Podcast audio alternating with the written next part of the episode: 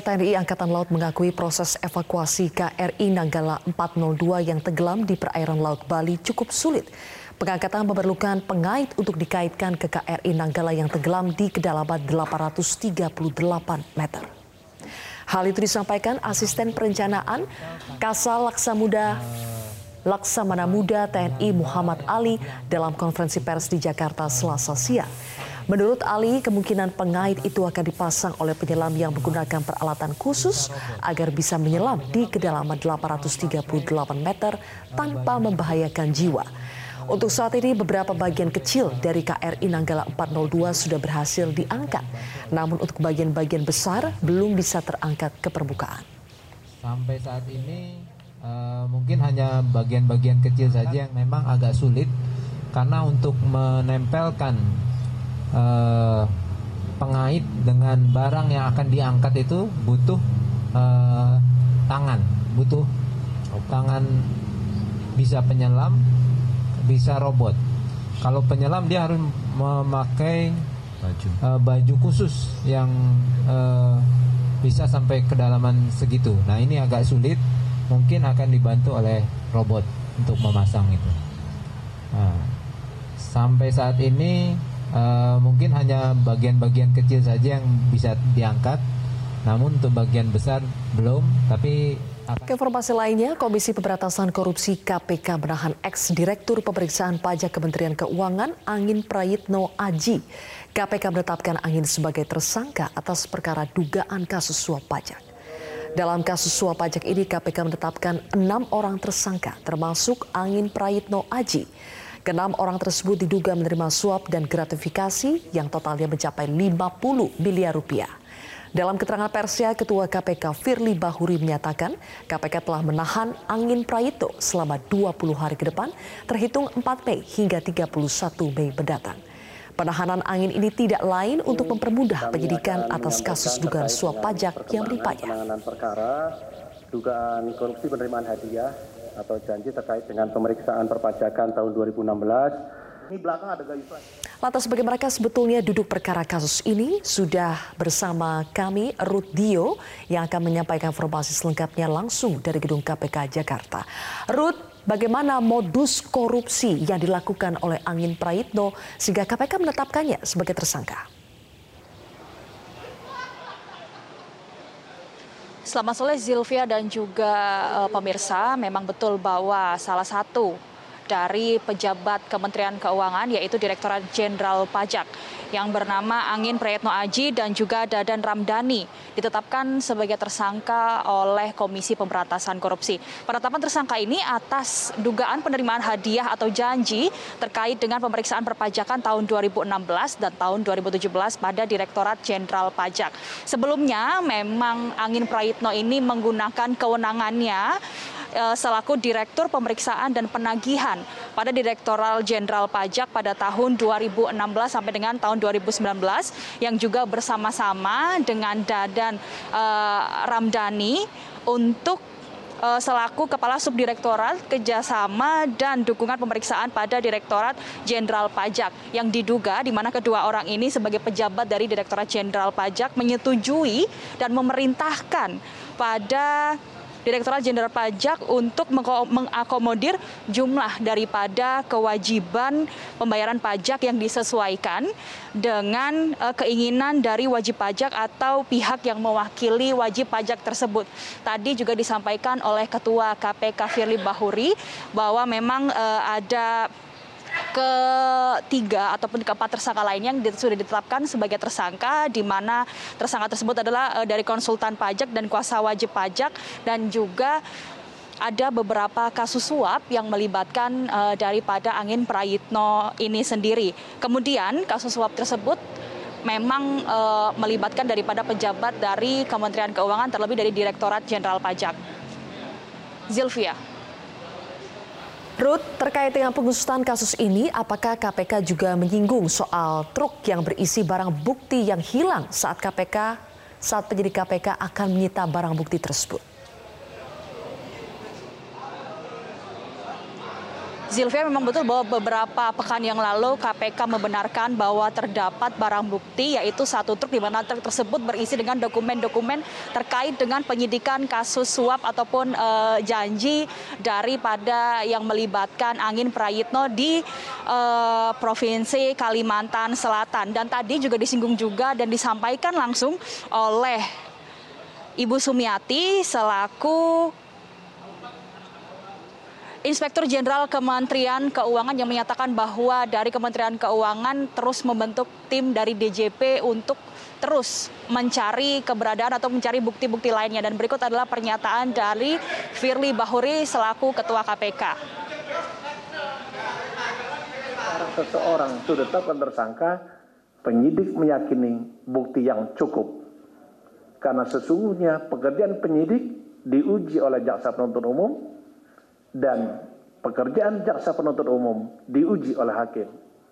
Dan kita harus pegang teguh bahwa menetapkan tersangka tidak hanya berdasar bukti permulaan cukup, tetapi harus memenuhi unsur apa yang kita kenal dengan pasal 183 KUHAP. Kenapa ini menjadi penting?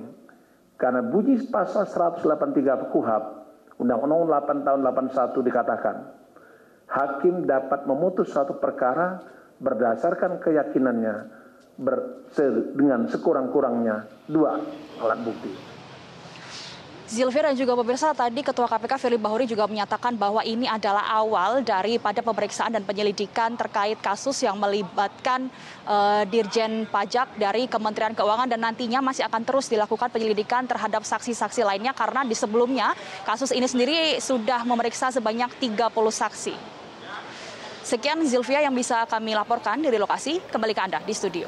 Terima kasih atas laporan Anda, Ruth Dio, melaporkan langsung dari KPK. Kepolisian memburu satu tersangka lain dalam kasus kiriman sate bersianida yang salah sasaran sehingga mengakibatkan seorang anak meninggal dunia. Polisi menyatakan telah mengantongi nama pelaku. Seorang pria berinisial R diburu aparat kepolisian karena namanya disebut oleh tersangka NA saat menjalani pemeriksaan. Menurut NA, R adalah pelanggan salon tempat ia bekerja yang menyarankan NA untuk mencampurkan kalium sianida ke dalam bumbu sate. Makanan tersebut yang kemudian dikirim oleh NA ke Tommy melalui jasa ojek daring. Sementara itu polisi saat ini masih mencari sisa sianida yang digunakan NA untuk meracuni makanan. Diketahui NA membeli sianida seberat 250 gram melalui aplikasi online.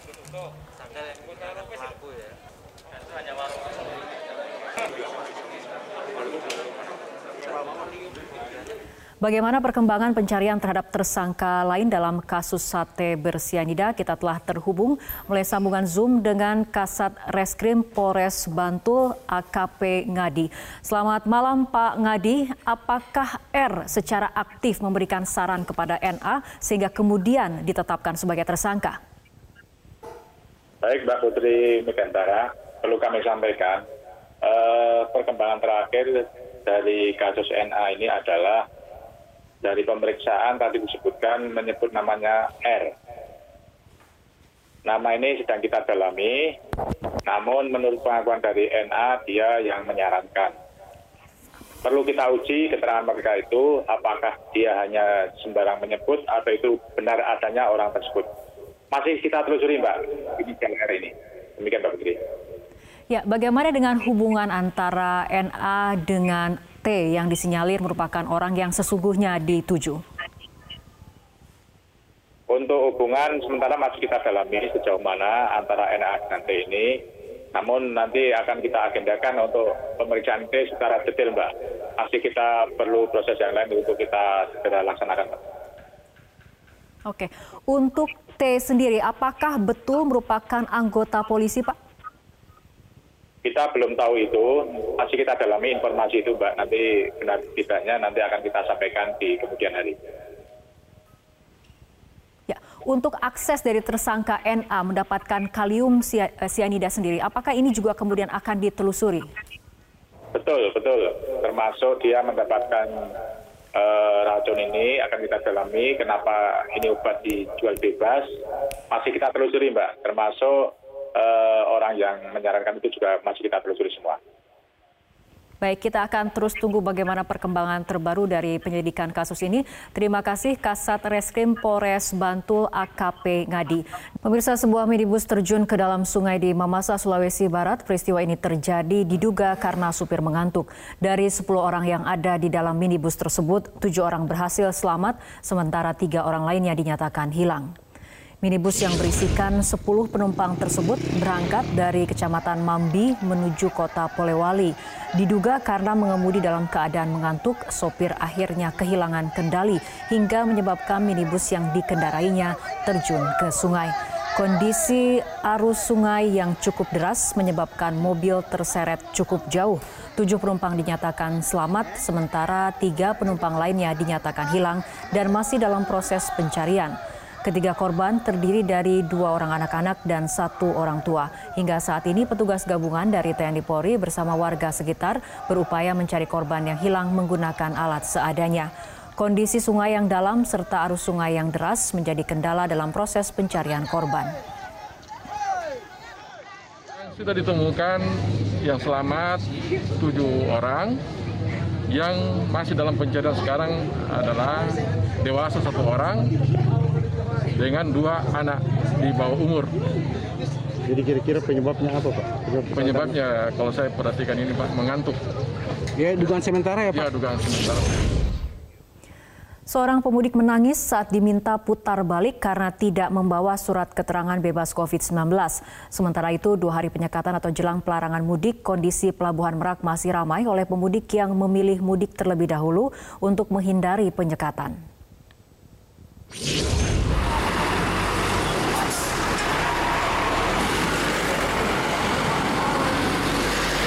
Ini adalah video yang terekam saat petugas meminta seorang wanita yang hendak mudik untuk memutar balik di pos penyekatan kawasan Jayanti, Kabupaten Tangerang. Wanita yang hendak ke Lampung tersebut tiba-tiba menangis di hadapan petugas karena tidak memiliki surat bebas COVID-19 dan diminta putar balik. Setelah diperiksa identitasnya, pemudik wanita ini akhirnya diminta polisi untuk melanjutkan perjalanannya menuju kampung halaman.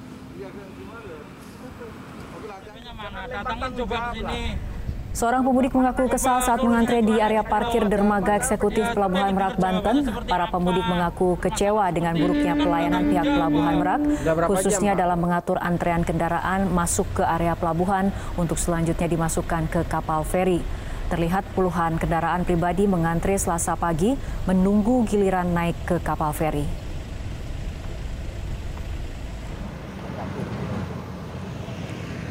Sementara itu petugas menghentikan laju pickup hitam yang berisi penuh penumpang di jalur Pantura, kawasan Jalan Lingkar Demak, Jawa Tengah.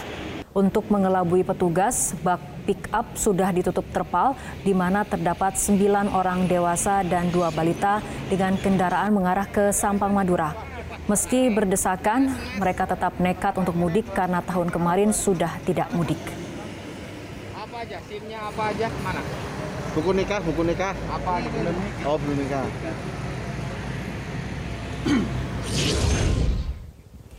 Pemirsa jelang pemberlakuan larangan mudik pada 6 Mei mendatang, stasiun Pasar Senen masih ramai oleh calon penumpang kereta api jarak jauh. Sementara itu, Terminal Terpadu Pulau Gebang, Jakarta Timur mulai dipadati oleh penumpang yang hendak mudik. Informasi selengkapnya akan disampaikan langsung oleh Diandra Mukdi di Stasiun Senen dan Emresa di Terminal Pulau Gebang. Dan kita akan ke Diandra terlebih dahulu. Diandra, bagaimana situasi terkini di Stasiun Senen menjelang berlakunya larangan mudik dua hari lagi? Selamat malam Fitri dan juga pemirsa. Dua hari menjelang berlakunya larangan mudik yaitu tanggal 6 hingga 17 Mei 2021. Saat ini terpantau stasiun Senen masih ramai penumpang. Namun demikian saat ini kepadatan penumpang terpantau sudah terurai. Lalu antrian para calon penumpang yang ingin memeriksakan dirinya untuk tes genos dan juga rapid antigen ini juga sudah sangat berkurang di mana tadi antrian ini sempat cukup panjang yaitu mencapai sekitar 40 meter namun saat ini sudah cukup jauh berkurang karena memang saat ini juga sedang jam buka puasa dan pelayanan atau jam pelayanan dari pelayanan tes genos dan rapid antigen di Pasar Senen sendiri ini akan tutup pukul 7 atau pukul 19 waktu Indonesia Barat sebentar lagi. Sementara itu berdasarkan pantauan kami mayoritas calon penumpang yang ingin melakukan perjalanan menggunakan kereta api jarak jauh dari Pasar Senen atau dari stasiun Pasar Senen sendiri ini merupakan rombongan keluarga yang ingin melakukan mudik lebih awal untuk menghindari tanggal larangan mudik yaitu dari tanggal 6 hingga 17 Mei 2021. Mereka khawatir tidak dapat pulang ke kampung setelah tanggal 6 tersebut dengan demikian mereka memilih untuk mudik lebih awal dan selain itu berdasarkan pantauan kami penumpang kereta api di stasiun Pasar Senen sendiri ini sudah mematuhi protokol kesehatan seperti memakai masker dengan benar lalu juga eh, menjaga jarak di antrian. Lalu sementara itu petugas dari kepolisian dan juga Polsuska ini juga terus berjaga dan juga bersiaga untuk melakukan penertiban bagi para calon penumpang yang tidak mematuhi protokol kesehatan seperti tidak memakai masker secara benar, tidak menjaga jarak. Fitri. Ya baik Diandra, terima kasih. Itu tadi adalah bagaimana kondisi calon penumpang kereta api di Stasiun Senen. Bagaimana dengan kondisi calon penumpang bus di Terminal Pulau Gebang? Reza, bagaimana situasi terkini di sana? Apakah terjadi peningkatan ataupun lonjakan calon penumpang? Fitri dari pantauan kami saat ini situasi di Terminal Terpadu Pulau Gebang Jakarta Timur masih terpantau belum ada penumpukan uh, calon penumpang yang terjadi. Misalnya dari tempat kami melaporkan saat ini di ruang tunggu keberangkatan Terminal Pulau Pulau Gebang, Jakarta Timur ini masih terpantau cukup kondusif. Meski demikian, memang terjadi peningkatan jumlah penumpang jika dibandingkan dengan hari-hari biasanya di masa pandemi COVID-19.